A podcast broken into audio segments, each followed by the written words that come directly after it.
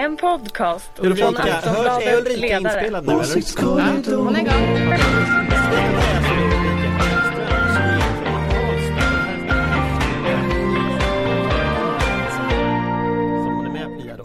Och i Karlstad finns det pratar du nu massa med, med dina. Facebook-tittare eller? Nej men jag försöker bara säga du varför jag filmar en jävla dator och lägger ut på Facebook. men det kräver ju någon förklaring.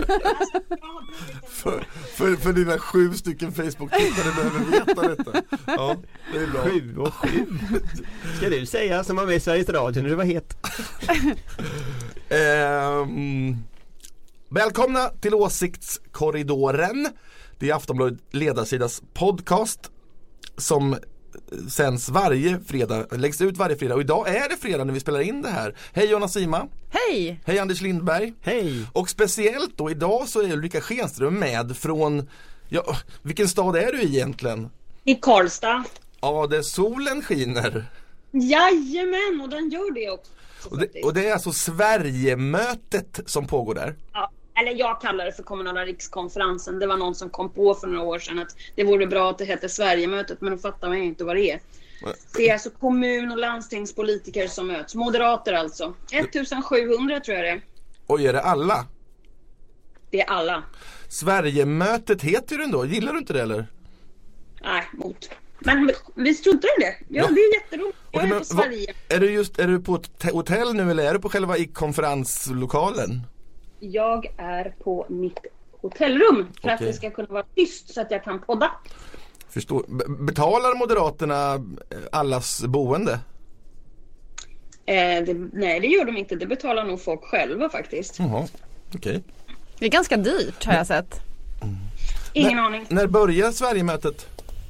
Det började nu för ungefär en timme sedan. Ah, okej. Och hur länge på, pågår det? Till imorgon klockan 12 kanske. Mm. Och den klassiska frågan, hur är stämningen?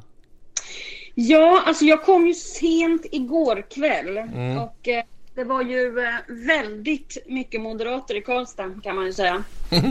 och, eh, ja, men jag tycker 1700, ändå det måste ju öka antalet moderater i Karlstad enormt. Ja, något så vansinnigt. Man kunde inte gå någonstans utan att det satt några moderater där. Så att jag skulle gå ut och äta och det var bara moderater överallt. Jag försökte hitta något ställe där man kunde äta i fred. Men Men då mös du väl? vad sa du? Mös du inte då när det är moderater överallt? Jo, Så vill man väl att det ska vara? Men ibland kanske man liksom är trött och sådär och så skulle jag ju förbereda. Jag modererar ju lite sådana här, alltså tanken med så här Sverigemötet då är ju att det är en massa seminarier så får folk signa upp på de här olika seminarierna och jag är ju då moderator så att jag modererar ett par seminarier här. Så att jag kände jag ville mer förbereda mig än och så. Okej, men jag den heta säga, det som jag har sett hittills, jag har ju nu inte varit på själva konferensstället än här. Eh, därför att jag ska podda med er och jag skulle förbereda några saker jag ska göra här efter lunch. Och, ehm, men än så länge så är det ju så här, det är klart, folk är ju inte glada, det ska man inte komma liksom och, och sticka under stol med. Men det var inte någon så här krisstämning och folk eh, såg ut som de Har ni fest gråta. också på de där eh, Reichsmötena? Ja, det är ju moderater. Det är ju glada typer. Ja det, ja det är ni, det är glada typer. Fast okej, nu, nu, nu kommer vi till kärnan. Just nu är ni ju inte så glada. Eh, opinionsmätningarna, ja de bara fortsätter ju neråt. Kommer Anna Kinberg Batra sitta kvar fram till valet? Och det här är inte bara en fråga till dig Ulrika, men du kan börja, vad tror du? Ja, jo, det tror jag faktiskt. Sen ska vi inte sticka under stol med att det här faktiskt är ett väldigt allvarligt läge för partiet. Eh, det ser verkligen inte bra ut. Eh, och eh, jag menar, jag hade inte ens kunnat drömma om, om vi hade pratat om det här för kanske eh, något år sedan, att eh, skulle hamna liksom som tredje parti och med en risk att hamna som fjärde största parti. Det är klart att det, det är ju nästan surrealistisk känsla för, för mig, får man ändå säga. Så att jag, jag är ju jätte, jätteorolig faktiskt. Vad tror du Jonna? Eh, ja, man vet ju inte vad botten är riktigt när hon kommer tvingas eh, bytas ut eller tvingas gå. Eh, men det känns som att hon borde få en valrörelse ändå att pröva Alltså jag vingarna. har ju ända sedan de började den här mer brutala politiken och SD eh, närmandet tyckt synd om henne. För det, det har alltid känts som att hon själv inte står, hon vill inte göra det här men hon har gjort det ändå. Men Hon känns ju rekorderlig egentligen. Ja, alltså, egentligen. alltså moderat rekorderlig. Tror du det Ulrika, att hon, liksom, hon gör det för att partiet vill det men själv är hon inte bekväm? Nej, jag vet inte. Alltså så här, jag, jag, det är ju alltid, jag har ju jobbat med ett antal partiledare, just moderata partiledare och det är klart att det är ju alltid knepigt att ta över efter någon som har varit väldigt framgångsrik och eh, även moderat, alltså vi är ju rätt toppstyrt parti där vi liksom klagar på ledningen så fort det inte går riktigt som vi tycker och sådär. Det är ju man ska komma ihåg att Moderaterna är en riksdagsgrupp som skaffade sig ett parti till skillnad från Socialdemokraterna som var ett parti som tog sig in i riksdagen. Vi är lite fyrkantiga, det ska levereras och så vidare. Mm. Eh, och det är inte enkelt heller att, att eh, ta över som sagt efter Fredrik Reinfeldt och, och eh, och kombon Anders, Anders Borg och Fredrik Reinfeldt. Det tror jag är svårt. Bo Lundgren hade också komplicerat eh, läge i att ta över efter Carl Bildt. Så att och, och, så var det säkert även för, för Mona Salin om jag ska vara ärlig. Visst, men, min frå, min frå, men min fråga var ju om AKB egentligen är bekväm med den politik hon har tvingats lansera. Jag kan faktiskt inte svara på det utan jag tycker ändå att jag menar, tar man ett beslut så tar man ett beslut och så är det ju. Så att jag, jag tror att det är så många gånger under de här nya Moderaterna-åren som alla skulle ringa till mig och fråga vem är egentligen hjärnan? Mm. Ja, brukar jag säga. Ja, det kan ju vara så att det är Fredrik Reinfeldt. Mm. men, men alltså, är väl, alltså det som jag upplever med henne tycker jag det är att hon, hon känns och när man pratar med folk innan hon blev vald så sa ju alla att hon var Fredrik Reinfeldts kronprinsessa som skulle fortsätta hans politik. Och nu har hon ju liksom tvingats överge i stort sett alla de delarna som var framgångsrika. Alltså alliansen är splittrad i tusen bitar. Nya moderaterna är splittrade, alltså finns ju i praktiken inte längre. Jag är här! Mm. Ja okej, okay, du finns ja. Nej men du är väl liksom den sista, sista mohikanen. Men, men, men någonstans så är ju liksom det som var framgångsreceptet när Moderaterna hade 30% istället. Det är ju väck. Jag håller helt med dig Anders. Det är klart att men, men alla partiledningar i Moderaterna måste göra sin egen resa och det här är hennes resa. Eh, och den, får, den, den, den, måste hon ju själv tro på. Fast, fast jag, vad jag inte fattar är liksom alla de här ombuden som inte är ombud då på, på, på Sverigemötet men som liksom är deltagare där. Alltså jag den här enorma kritiken som hela tiden kommer mot henne Alltså jag förstår ju den för det går dåligt för partiet Men samtidigt partiet har ju tvingat henne till en politik som har halverat partiet så att, så att någonstans det borde ju finnas någon självinsikt också tycker jag mot de som har tvingat fram den här nya linjen att, att det här kanske inte var så smart. Men jag förstår också att man är förvirrad för att det här är ändå, den, spelplanen är annorlunda nu än 2006 när alliansen bildades eller 2005 kanske det var. Eh, för att eh, då var ju Socialdemokraterna den stora fienden och då man skapade arbetslinjen och kallade sig för det nya arbetarpartiet. Eh, när eh, Moderaterna gjorde det här stora raset till 2014-valet då var det ju de flesta väljarna som gick från Moderaterna till, till SD. Det var ju alltså 10 procentenheter som de förlorade där. Så det är ju en chock de fortfarande lever med och jag förstår att många ändå gjorde den analysen att att triangulera SD snarare än att eh, försöka blåsa liv i det nya eh, arbetarpartiet. Jag, jag, jag, jag, tror ju att eh, det, det, Alltså det stora problemet, och det har jag tjatat om i, i podden här i, i, flera år, det är ju liksom att när man inte tar ansvar för att fortsätta eh, eh reform och politikutvecklingen Ehm, så ja, då blir man inte relevant och då blir man inte heller relevant i debatten och eh, då tenderar det att finnas människor som tror att det finns andra partier som har svar på samhällsproblemen och det, det vet nog eh, ni som sitter vid bordet och jag som är fyrkantig i lilla lådan här att, att Sverigedemokraterna till exempel är inte ett parti som har en hållbar politik. Men de har en retorik som gör att folk tror att de har en sammansatt eh, politik. Samtidigt är det ganska intressant för att om man tittar på den utveckling som finns i Europa just nu så ser vi ju att i, i Österrike så vann ju inte högerpopulisterna, de förlorar ju. I, i eh, Nederländerna så vann mitten ganska tydligt. Eh, det kommer ett, ett, presidentval i Serbien ganska snart här nästa, näst, nästa helg som ju antagligen de, de demokratiska krafterna vinner över populisterna. Antagligen så kommer man Demokraterna också vinna över, över populisterna i Frankrike, likadant i Tyskland. Så att Moderaterna har ju på något sätt hoppat på en högerpopulistisk trend som lite känns som att den håller på att ebba ut. Ja, men det var ju, och, och, och var, varför, varför orienterar man inte om sig mot mitten då? Det verkar ju vara liksom mitten, det verkar ju vara där det händer. Ja, nej men, men jag tror man har gjort den, det är möjligt att man har gjort den, den analysen som du just sa Anders. Eh, och, och, du, och vi pratade ju om det förra veckan att det, det här som hände i Holland, att vi var ganska överens om att människor kanske har börjat tänka efter efter Brexit och Trump. Att liksom, det här känns ju inget bra och man kanske ska tänka lite innan man bara, bara känner eller någonting sånt där. Så att, eh, ja, så kanske det kan vara. Men tror du vi kan se en ny linje i sådana Det är fall? ju så här att man låter partiledningen göra, göra sitt val och, eh, och sen får man se om det där blir framgångsrikt. Och eh, ja, nu ser det inte alls bra ut i opinionen men det kanske är så att partiledningen tror att det här ska förändra sig. Jag hoppas också att, att, att eh, man ändrar sig men eh, samtidigt så vet jag inte det där som du säger Anders att populistvågen håller på att ebba ut för att även om om Hofer i Österrike förlorade så gick han, alltså det var ju väldigt jämnt och, och eh, Wilders gick ändå framåt och så det, känns inte som att det riktigt har ebbat ut än så jag är rädd ändå för Fast, fast rent, liksom, rent siffermässigt, Wilders, vi har pratat om Wilders här, jag var i Holland precis innan valet där och det var helt koko liksom läsa reaktioner i Sverige och prata med människor där därför att han fick 13 procent. Det är liksom exakt som Sverigedemokraterna fick förra gången. Eh, Det är skräpsiffror.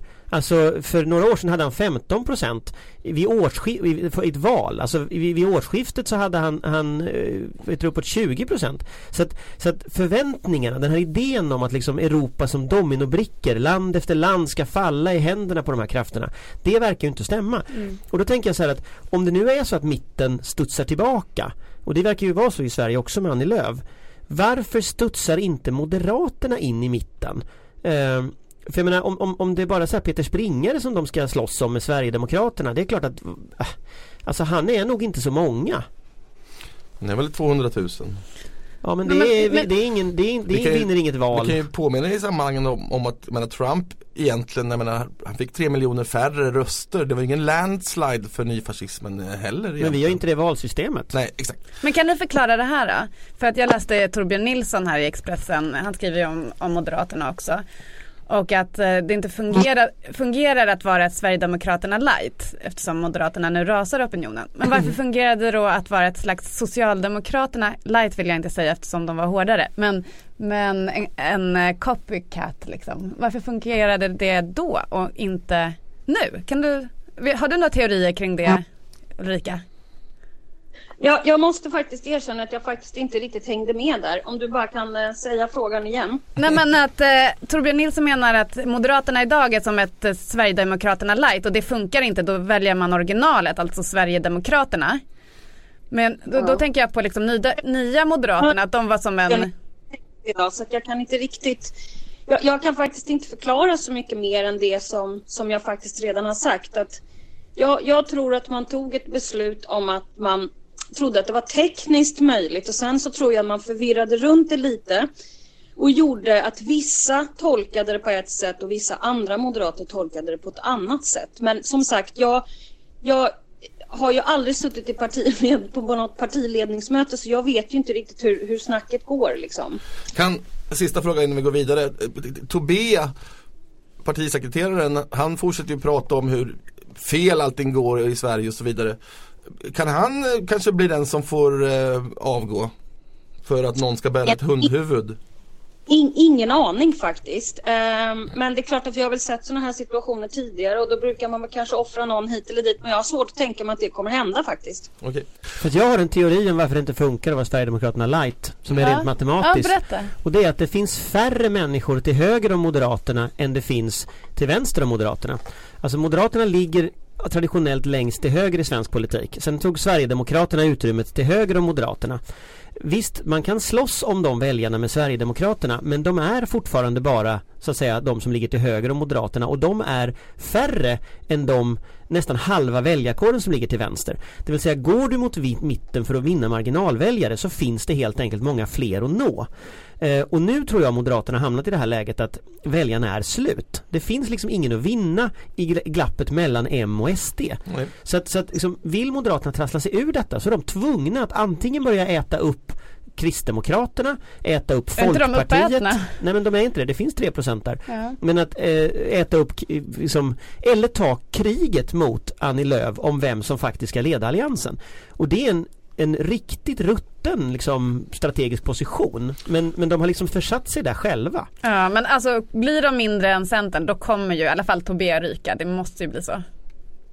Eller hur? Det finns väl en botten? Fast då är det så nära valet å andra sidan, då, kanske man, då är det för sent också. Nej, för, Fast vi, vi släpper det. det är Det, det är synd om er moderater sammanfattar vi det här och går vidare till det mycket märkliga kan jag tycka, eller bisarra. Jonas Sjöstedt och Annie Lööf håller hand och åker på Sverigeturné tillsammans. Kan man beskriva det så? De har i alla fall varit på en fem, sex ställen va? Och eh, talar från helt eh, olika positioner men de, de verkar gilla varandra de här två Ja. personerna. Jag tycker att det verkar vara briljant. Alltså, de pratar ju politik och de står för olika åsikter och folk får helt plötsligt höra två personer prata politik och inte taktik och spelteori och sånt där. Jag tror att jag skulle vilja gå på ett sånt där. Ja eller hur? Alltså båda är ju fantastiska talare får man ju ge dem också faktiskt. Så det är nog, går, ja är det nog drag på de debatterna? Ja, men vilka, Dra! Det kanske vi borde vetat när vi tog upp det här, men vilka är det som kommer då? Är det då ett gäng eh, grova eh, socionomer från vänstern och ett gäng eh,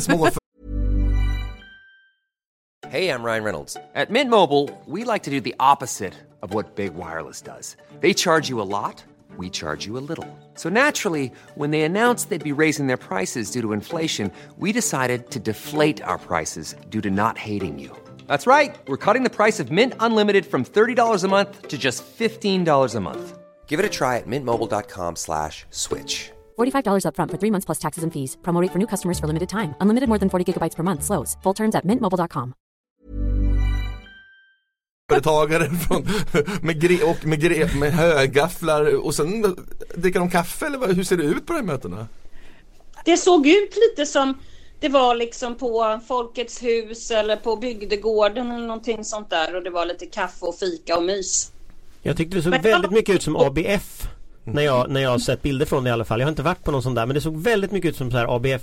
Och man väntar bara att de ska öppna liksom för frågor och alla dessa ABF-män ska kliva fram och liksom förklara hur det är i rummet. Det är så här, det är så här känner vi till. ja, men det är så här folkrörelse när den är som mest underbar liksom. Var en ABF-man, är det någon som tjötade väldigt mycket eller? När det är någon som inte ställer en fråga Ja. till de talarna utan istället förklarar hur det är för Ja. talaren. Ah, eh, den, en folkrörelsernas Jag tror att inom högern kallar det för seminarieherre, inom vänstern kallas det för ABF-man tror jag. Okej. Det är lite olika begrepp sådär. Ja men är det här någonting som fler partiledare borde ta efter och vilka då? Jag menar, det här, det här bygger väl på att de trots allt gillar varandra trots sina motsättningar. Man måste ju gilla varandra men sen är de ju lite varandras ytterligheter på något sätt. Ja, Eller ja. Så att då blir det ju också en vänster-höger ehm, eh, diskussion som ju eh, jag tror kan vara jätteintressant att lyssna på.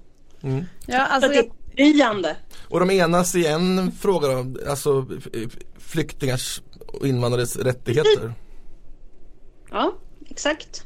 jag tror att det började med i, i julas i tidningen Vi så skulle man eh, bjuda, en person blev tillfrågad att bjuda in någon, en fiende eller mots, en, på något vis som man ändå respekterar. Och då så bjöd Jonas Sjöstedt in Annie Lööf och där började den här lilla udda kärlekshistorien. Eh, Och sen har de då å- åkt omkring på ja, fem eller sex ställen och jag tror att det är liksom vanligt folk, att det inte är så mycket så här partister. I alla fall i det reportaget som var i DN i, i helgen. Så det blir inte sådär fotbollshejarklackar mot varandra men Men det kanske finns någon sån anti-Twitter-effekt här, liksom en längtan efter allvar på något sätt som finns parallellt med det här dår-samtalet som, som vi för. du skrev liksom. väl om det i söndags också? Att man Ja, nej, men om de här gamla frågorna, alltså klassfrågor eh, och det finns ju den typen av frågor, liksom många sådana frågor som är på riktigt i vardagen för människor. Eh, och som lite försvinner i det här dår-argumentationen som, man, som krävs på Twitter. Så, va? Och det, är ju, och jag, det här är väl någon antireaktion kanske mot sociala medier att människor får prata till punkt, människor får liksom berätta hur det är, ingen skriker, inga personangrepp så att säga. Då. Ja, det låter fint. Att folk tycker det är fantastiskt. Jag tycker egentligen de borde göra detta på bästa sändningstid i TV. Ja, men då blir det genast plötsligt. Annis plan är bara, den vill jag skicka vidare tillbaka till er. Vad är Annis plan? Låt säga, alltså hennes personliga plan. Är hennes personliga plan att köra det här med Jonas nu. Satsa på att gå om Moderaterna och sen utmana Löfven. Dun, dun, dun. I näst, nästa val, ja. Fast vet ni, jag har trott, jag har hela tiden trott när jag tittar på, också när jag tittar på opinionsmätningar och så att Centerpartiet eh, har möjligheten liksom demografiskt, om man tittar på olika väljargrupper, att göra det 2022. För det har liksom varit så här conventional wisdom på något sätt. Men nu tycker jag det verkar som att eftersom Moderaterna parallellt med Annie Lööfs strategi klappar ihop så kanske hon får chansen redan 2018. Och då tror jag att det är för tidigt för henne. Så jag tror att har Centerpartiet, jag tror att så här Moderaternas effekt, Moderaternas genomklappning kan få den negativa effekten på Centern att de blir för stora för snabbt och att det inte kommer att funka 2018. Men, men jag tror att de håller på att bli övermodiga. Och det märker man väldigt mycket i liksom kommentarer från Centerpartister nu att de har blivit enormt kaxiga. Visar inte det här Eh. det senaste utspelet där de vill bryta ut en del ur, ur regeringens Till budget exempel på det? Fan, jag fattar inte, vad, fan, vad var det för något? Eh, Anders? Anders eller Ulrika kanske kan beskriva? Och så bryta ut statlig skatt ur, regeringen, ur, ur budgeten. Alltså det är ju Men så det där är en direkt, eh, jag, alltså, jag, vet ju inte som sagt, jag har inte heller varit på Centerpartiets partiledningsmöte. Eh, men, och det är lätt att sitta här vid sidan av, men eh, det känns ju lite sådär, nu när vi är igång och snor moderater kanske vi ska ta några till. Jag tror också det, men, men jag tror också att det finns en annan dimension i det och det är att Jag vet inte om ni kommer ihåg när Mikael Odenberg började komma uppåt i debatten Jo. Då lyfte han ju fram ett antal metoder som man kan bedriva oppositionspolitik Ja, på, på det är väl det han- riktigt ja. Och nu har Centern helt enkelt tagit hans Facebookinlägg och gjort om det till, till, eh, till riksdagsparlamentarisk strategi Oj! Där, Därför att vad som, vad som händer är nämligen att Tror du kan- att Mikael Odenberg har blivit Centerpartist? Nej det tror jag inte, jag tror att de snor hans strategi för de inser att han är den enda moderat som kan rädda Moderaterna så då tar de strategin innan han hinner Det genomföra den det är triangulering på, Eh, men, men, men lite är det så här att det är ju faktiskt så att det är riksdagen som beslutar om budget. Det är alltså inte eh, det man nästan får intryck av att liksom regeringen kan ta sin budget till riksdagen och sen ska riksdagen bara säga hej amen. Utan riksdagen kan ju ändra i budgeten men det som krävs enligt budgetlagen det är att man ändrar så att budgeten fortfarande går ihop. Och vad Centern gör det är att de säger att de tar bort den här skattehöjningen men de tar också bort reformer. Det vill säga budgeten kommer fortfarande gå ihop. Om Alliansen ställer upp på det så bygger det ju fortfarande på att SD röstar för. Så det som Centern riskerar med strategin det är naturligtvis att deras benhårda motstånd mot SD blir liksom så här Ja, men är inte det egentligen en glidande skala? När det verkligen gäller, står Centern verkligen fast vid sitt besked? Så att det är väldigt höga insatser Just eh, när Centern gör så här. Men rent budgettekniskt så är det fullt möjligt att genomföra det förslaget som, som de har kommit med. Och ska man tillägga, det kan vara så att Alliansen skulle kunna göra motsvarande sak på i stort sett alla budgetområden. Om de vill. Därför att samma sak gäller ju i, i på, på och då blir det lite som att Jag vet inte om ni vet, känner till det här men man har ju tagit väldigt många tillkännagivanden i utskotten. Alltså riksdagen har uppmanat regeringen. De är ju icke bindande. Men den strategin att ta liksom beslut i utskotten som sen regeringen får i uppdrag. Om den översätts till skarpa beslut. Alltså som budget, som lagstiftning, som andra saker som är riktiga beslut. Tillkännagivanden är ju någon blandform. Då börjar alltså baksätet styra bilen. Så då hamnar vi i ett läge när, när det här som står i vår grundlag att regeringen styr riket blir riksdagen styr riket. Så att Centern är på extremt farlig mark därför att nästa eh, riksdag, om de nu kommer in i regering, då kommer naturligtvis sossarna göra likadant mot dem. Och då har vi liksom ett helt annat konstitutionellt system. För att inte tala om att det, det, allt, hela den här strategin talar emot det som eh, Annie Lööf sa efter DÖ föll och allt det där att, att eh, hon, Centerpartiet kommer inte bidra till att det blir kaos i, i regeringen eller i och med Brexit och Trump och liksom alla oro i världen och för, för den delen i Sverige. Likt, Och nu kan det bli oro ändå. likt en fågel Fenix med hybris flyger Annie Lööf och är på väg att bränna vingarna kanske. Var det Ikaros som brände vingarna men okej. Nej, men- Och Fågel Fenix steg från askan. Var det Men så? Det var en blandning där av lite olika. Ja det var många grekiska Men metaforer. Fredrik har varit på rockkonsert, give him a break. Nej, men det var visst Fenix som vars vingar brann. Ikaros var något helt annat. Kan man få veta vad Fredrik har för varit? nära solen, vingarna brann upp, han ramlade ner i sjön. Ja. Om det är det du menar, men jag vet inte vad du menar Jag menar att hon har fått hybris och Ja, kanske, borde, kanske borde chilla lite. Men ja, nu bara för att ni är inne på det här, här har vi ett alternativ till då att Löfven börjar hota med omval. Eller nyval eller vad det nu heter. Vad gör ni då. Ulrika? Ja, vad gör ni då? Ja, Vad gör man då? Nu tror ju inte jag att det kommer bli det så jag har inte ens funderat på den tanken. Vi Men, går vidare. eh, Jag skulle egentligen vilja prata kanske om det blir val va? Då, så då kanske det blir nyval då till hösten va? Det är ju en annan, alltså efter september, alltså ja. Det är klart att eh, då blir det ju värme i valstugorna. Det måste ju liksom, eh, kan ju bli riktigt kallt där. Det är inte som det är på sommaren, augusti, september va? Utan ja, det kommer Nej bli men om, om. Löfven, om Löfven är lite taskig också så utlöser han ju nyvalet någonstans när det är riktigt dåligt väder. Så att liksom alla hinner bli sura också. Varför pratar du om jättekallt. väder? Jag fattar ingenting. Det är mycket avgörande för Men valrörelsen. För det är skönare med val i september. Då kan det vara lite sensommarvärme. Jaha. Eller så utlyser man nyval efter årsskiftet.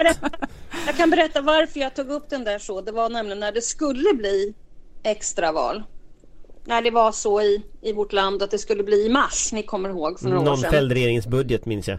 Satt jag, då satt jag i, eh, i eh, TV4 Nyhetsmorgon en lördag. Och då hade de gjort ett reportage och ringt runt bland partierna om hur de såg på det här med extravalet. Och de hade bara fått tag på såna här människor som stod i valstugor och, gjorde liksom tab- och beställde tablettaskar och, och affischer och sånt där. Och alla hade såna oerhörda problem om hur det skulle bli i valstugorna och hur de skulle klara kylan och sådär. Det var framförallt praktiska invändningar låter det som. Otroligt roligt reportage som ni kan gräva fram någon gång om ni har det tråkigt. Tablettaskar.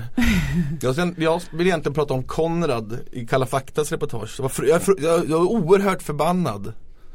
Ja. Du har ju skrivit om det Jonna. Ja, jag blev Vill- också Såg du det Ulrika? fruktansvärt förbannad. Nej, det har jag faktiskt inte sett. Nej, det var en liten pojke med lindrig autism och en rektor, ägare till en privat skola inte ville ha honom för han var för dyr.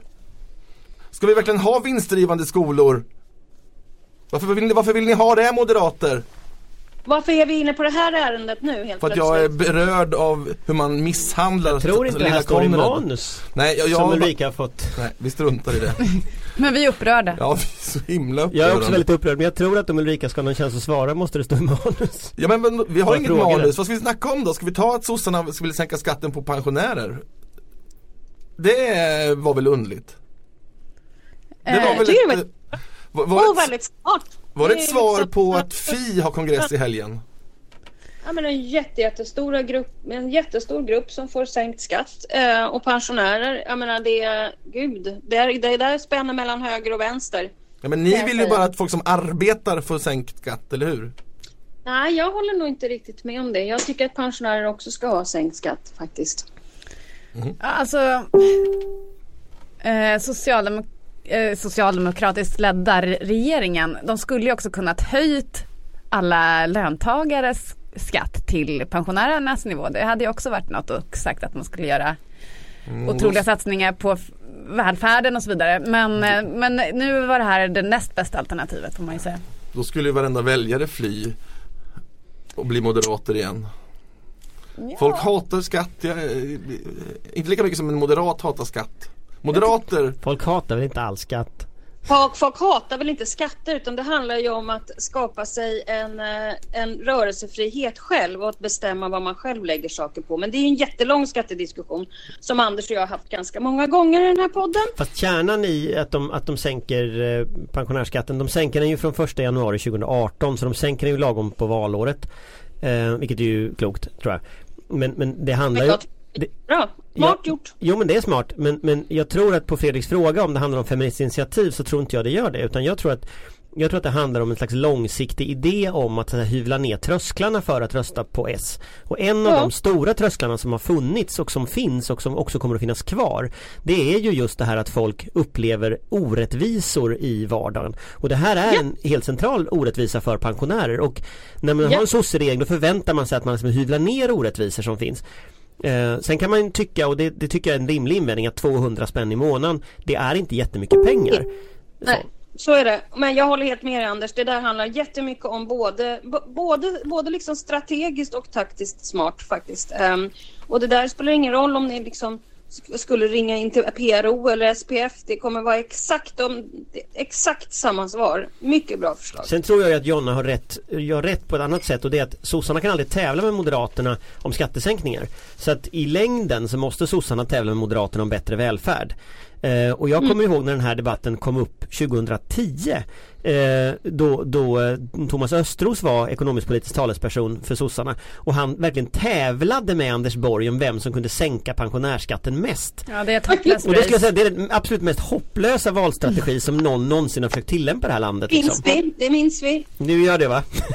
Ja. Men det ska bli intressant att se om det kommer fler utspel som riktar sig just mot pensionärer. För jag såg en demografisk eh, kurva på hur många mm, ja, det personer över no- 65 det kommer vara i, nästa, ja, i valet nästa år. Det är ju två miljoner som kommer gå och rösta. Ja, och alla kommer vara fattiga. Och alla kommer att rösta. Alla är inte menar- fattiga. Det finns sådana här mappis också du vet. Ja, mappis. Och det var det jag menade med det taktiskt smarta. Det Mm. är klart att det är supersmart. Det här är ju liksom det som Nuder kallade för köttberget. Ja. Köttberget har nu Mm. blivit ett fläskberg tänkte jag säga. vi, om, om ingen har något jätteroligt att säga om Peter Hultqvist så tycker jag vi tar det viktigaste som har hänt i veckan. Det är att det kommit en ny bilaga av Aftonbladet idag som heter 5 plus kultur och nöje. Har du köpt den i Karlstad Ulrika? Nej, jag har tag på det men jag har faktiskt försökt. Försök inte hoppa på mig nu. Snälla Fredrik, jag har försökt men jag har faktiskt inte hittat den. Men vi bor vid ett kongresscenter där det inte finns några, liksom, finns inga affärer. Oj, det måste Det ju marknadsavdelningen, vad heter de, säljavdelningen måste ju få reda på detta så de kan De hatar när det inte finns en tidning att få tag på. Det här är, det är synd om Moderaterna på alla möjliga Ja, sätt. det är, ni får inte ens läsa Aftonbladet Det är det väldigt, väldigt tråkigt nu. Men berätta för mig istället om den. Nej, vi, vi, det handlar, det är, Den är jättefin. Mm, nöje och kultur i en stor fin bilaga man får på köpet när man köper Aftonbladet. Jag tänkte att du, du som ju aldrig bryr dig om kultur mer än eh, brittiska eh, kostymdrama på TV. Det hade varit kul. Yes. Är det så? Ja, the, the Crown, eller vad, vad heter det? Nej, Älskar ju. Nej, the, vad heter det? Ulrika har ju varit på teater flera gånger har berättat här. Ja. Jag vet till exempel Försök Cabaret. inte Fredrik, jag vet inte vad är det med dig idag? Vad har jag gjort? Är du liksom lite, lite putt?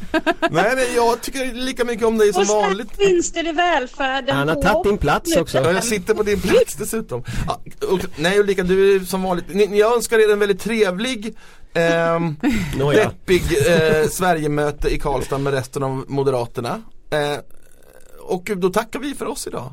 Ja, Ha det kul Ulrika! Alltså I will kul. try. Ja, Har du så roligt på festen i alla fall? Det är En sak som jag vet om, om, om fester när partier går dåligt det är att det brukar bli väldigt bra fester. Så ni Ja, kommer det att ha en väldigt bra fest ikväll. varit med när det har varit bra och när det har varit dåligt och när det är bra då skärper sig alla men när det är dåligt då är det lite roligare. Ja det är mycket roligare när det är dåligt. Så att ni kommer att ha jättekul ikväll. Folk släpper allt då bara. Ja precis. Okej, Hörni, Inget att förlora trevlig helg till allihopa! Trevlig helg. Åsiktskorridoren